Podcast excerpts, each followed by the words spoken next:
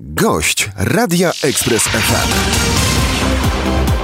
Gościem Radia Ekspres FM jest e, Agnieszka Kija, styska krytyk sztuki. Dzień dobry. Dzień dobry pani, dzień dobry państwu. Ostatni rok był dosyć burzliwy. Sporo zmienił w naszym podejściu do wielu spraw, w naszych nawykach. Wiele aktywności przeniosło się do sieci, odnalazło się też w internecie i coraz bardziej popularne stają się podcasty, czyli takie mini audycje, które właśnie zamieszczane są w internecie. I teraz jest równy rok od pierwszego podcastu na kanale Dawno temu w sztuce, którego jest pani autorką. Jak bardzo to się rozrosło? To jest w ogóle fenomenalne, co się stało w ciągu tego roku i kiedy pierwszy raz brałam swój telefon, bo przyznam, że minął rok, a ja wciąż nagrywam na telefonie, wchodzę do szafy i tam właśnie wśród tych wszystkich moich sukienek, fatałaszków i szmatek nagrywam dla Państwa te podcasty, to wówczas, kiedy brałam ten telefon do ręki, w ogóle nie spodziewałam się, że tak ogromny będzie odzew. I to, co najbardziej mnie zaskoczyło, to to, jak te słupki windowały w górę, w górę, szybowały w górę. Nie spodziewałam się, że ta słuchalność będzie aż tak wysoka, bo my tutaj mówimy o 30 tysiącach odsłuchów i na przykład dzisiaj w ciągu tego dnia, jak sprawdzałam przed naszą rozmową statystyki, to 1300 osób, przeszło 1300 osób już odsłuchało podcastów z serii Dawno temu w sztuce. Dla mnie to jest fenomenalne. Ciągle nie mogę w to uwierzyć.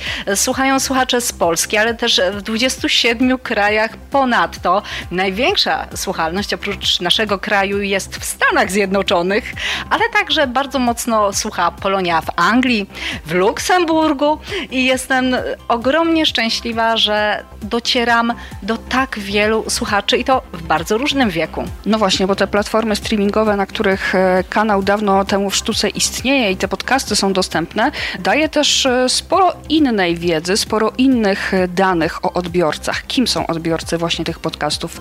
Przede wszystkim młodzi ludzie i nie ukrywam, że bardzo się z tego cieszę, ponieważ jest to zupełnie nowa grupa odbiorców, do której wcześniej, pomimo spotkań na żywo, pomimo prowadzenia kanału na Facebooku, pomimo prowadzenia także różnych innych aktywności, było mi najciężej dotrzeć. Młodzi ludzie są aktualnie bardzo mocno w sieci, są na Instagramie, są właśnie na platformach streamingowych i teraz to, że zaczęłam nagrywać podcasty, czyli krótko mówiąc, to są takie internetowe audycje o sztuce tworzone właśnie przez amatorów, pasjonatów, którzy mają coś ciekawego na dany temat do powiedzenia, które możemy odsłuchać sobie o dowolnej porze, zawsze i wszędzie, wtedy, kiedy mamy tylko na to czas, które możemy zatrzymać w dowolnym momencie i puścić sobie później dalej. Więc ta taka luźna forma podcastu, nawet to, że my możemy go słuchać, nie wiem, jadąc w aucie albo wykonując jakiekolwiek inne czynności w domu, ćwicząc, myjąc naczynia, sprzątając, ja uwielbiam rano przed pracą słuchać podcastów, kiedy się maluję, więc nawet ta forma, która dostosowuje się troszeczkę do naszych szybkich czasów, gdzie my musimy robić dużo rzeczy naraz, pozwala nam jak najfajniej, jak najprościej, tak bezkonfliktowo dotrzeć do tego odbiorcy. Młodzi ludzie są nastawieni na podcasty nie spodziewałam się, że aż tak bardzo i to, że zaczęłam nagrywać, przełożyło się także na widownię, którą spotykam aktualnie na moich takich wieczorach, które są organizowane na żywo. To wróćmy jeszcze właśnie do wspomnianych podcastów. Jak one pozwalają spojrzeć na artystów? W jaki sposób pozwalają spojrzeć na artystów? Przede wszystkim normalnie, czyli bez tego całego patosu, bez tej całej czołobitności. W moich podcastach celowo nie używam dat. Być może komuś będzie to przeszkadzać, ale ja to robię zupełnie rozmyślnie, ponieważ chcę pokazać, że język sztuki jest uniwersalny i nieważne, czy coś powstało 100 lat temu, 200 lat temu, czy zostało stworzone wczoraj. Jeżeli to jest wartościowe, jeżeli to jest dla nas czytelne, jeżeli ten język, to co chce nam przedstawić artysta, bo język sztuki to jest język przede wszystkim emocji. My tak mówimy sobie, jak zrozumieć sztukę, ale tak naprawdę to chyba bardziej trafnym określenie byłoby jak poczuć sztukę, jak w nią wniknąć, jak ją ogarnąć każdym zmysłem, to ten język jest dostępny dla każdego i kiedy my będziemy ubierać go w niepotrzebne erudycyjne popisy, kiedy my będziemy go zamykać w datach, że coś się działo od tego do tego roku. Przecież w życiu tak nie jest. Wszystko się dzieje płynnie, coś wynika z czegoś. I tak samo u artystów. To nierzadko byli bardzo kolorowi ludzie. I Zośka Stryjeńska, Zocha Stryjeńska, nasza polska malarka, wręcz pisała w swoim pamiętniku, a to była fenomenalna kobieta, taka babka z ikrą. Ona pisała: Staremu nudziarzowi o sobie pisać zabraniam. I ja myślę, że rozszerzając to na podcasty, staremu nudziarzowi o sobie mówić również zabraniałaby.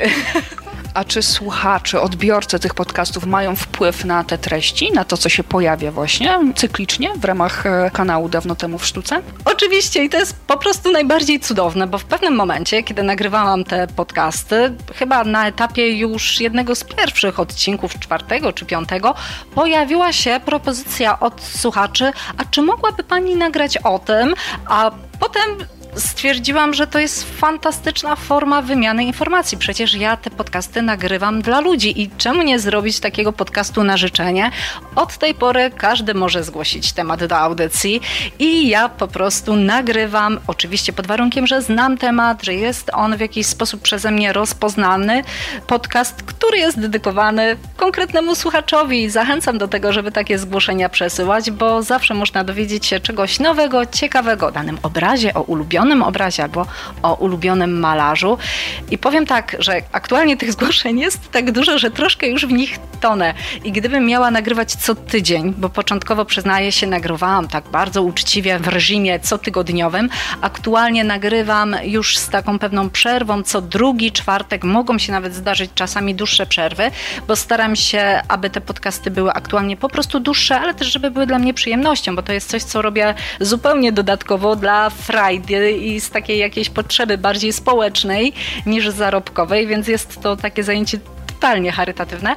I gdybym miała te podcasty nagrywać aktualnie w systemie co tydzień, to ja bym miała zajęty ponad rok pracy, bo tych zgłoszeń jest już aż tyle. Ale spokojnie, poradzimy sobie, proszę je nadsyłać dalej. Te wszystkie podcasty dostępne są w kanale Dawno temu w sztuce. To właściwie jest e, możliwe do odsłuchania na wszystkich platformach streamingowych, typowo podcastowych platformach streamingowych, e, a o szczegółach mówiła autorka tego kanału, tych podcastów, Agnieszka Kija, styska krytyk sztuki, dzisiejszy gość Radia Express FM. Bardzo dziękuję za rozmowę. Dziękuję również i oczywiście zapraszam do świata sztuki. Gość Radia Express FM.